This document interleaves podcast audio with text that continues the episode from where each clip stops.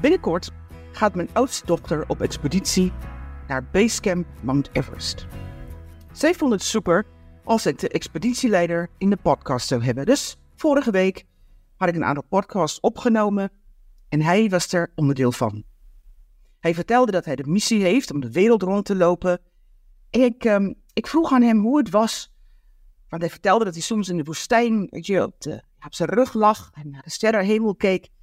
Als het pikje donker was. En ik vroeg aan hem: En wat zie je dan? En wat denk je dan als je naar boven kijkt? En ik zei met verwachting: En, en, en wat denk je dan?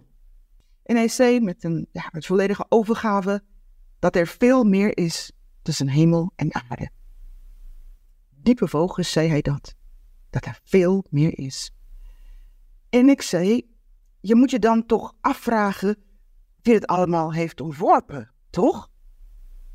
Nou, zei hij, ik geloof zeker dat er meer is. Maar God, nou, dat was in ieder geval niet bij hem opgekomen. En ik ging nog even door om te vertellen over dat er een architect is voor de hemel en de sterren en de mensen. Want kijk eens hoe bijzonder we zijn. In de auto op weg naar huis had ik het met dochters erover. En de jongste zei: Mam, de zaadje is nu wel geplant. Soms denk ik, zou ik op dat moment niet meer kunnen zeggen? Ja, ik spring dan bijna uit mijn vel, weet je? Een soort van: uh, zie je het nou niet? Maar daar zag je oprecht niks van. Bij mij, ik hield me echt heel cool. Ik zei wel, de architect is er. Want van zo'n bouwwerk, wat zo bijzonder is, moet er een eigenaar zijn. En die eigenaar, hij laat ons zien wie hij is. En ik kwam thuis en ik ging het toch wel even lezen in Romeinen 1, vers 19 en 20. En het gaat zo. Want de mensen kunnen heel goed weten dat God er is. Hij heeft het zelf bekendgemaakt. God is wel onzichtbaar, maar uit alles wat hij heeft geschapen, ja, geschapen heeft, blijkt zijn eeuwige kracht in goddelijkheid. Want sinds het ontstaan van de wereld is zijn bestaan duidelijk te herkennen uit wat hij gemaakt heeft. Daarom hebben de mensen geen enkele verontschuldiging. En ik dacht, weet je, ik neem hem mee in mijn gebeden. Want hij vertelde dat hij erg onder de indruk was van, uh, van de podcast en hoe ik dat vertelde. Want hij had er nooit zo over nagedacht. En ik neem hem sindsdien gewoon iedere dag mee in mijn gebeden. Dat God zijn hart en vooral zijn uh, ogen zal openen.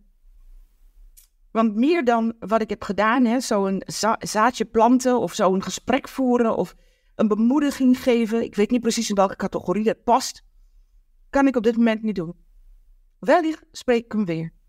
Weet je, wie weet, zie ik een gelegenheid om hem weer te podcasten, maar misschien ook niet. Maar ik mag wel alle vertrouwen hebben, oprecht alle vertrouwen hebben, dat Gods geest het vanaf hier overneemt. En ik weet wel zeker dat soms denk ik, meer dan een zaadje kan ik niet planten. Ik vertaalde hem ook overigens over de uniekheid van de mens. En hoe bijzonder de mens was. En hoe bijzonder de mens is dat God namelijk nooit een DNA reproduceert. En later dacht ik, ach, geniet nou maar gewoon van dit gesprek. Vertel de waarheid. En tenslotte, weet je, dat vind ik altijd wel mooi. Ieder persoon is maar één gebed verwijderd van de eeuwigheid. En met veel liefde en bewogenheid um, sloot ik natuurlijk wel dat gesprek af. En ik vond het ook wel een mooi gesprek. En uiteraard, ik vertrouw het proces. Ik vertrouw het proces dat als, als ik mijn deel doe, dat God zijn deel doet.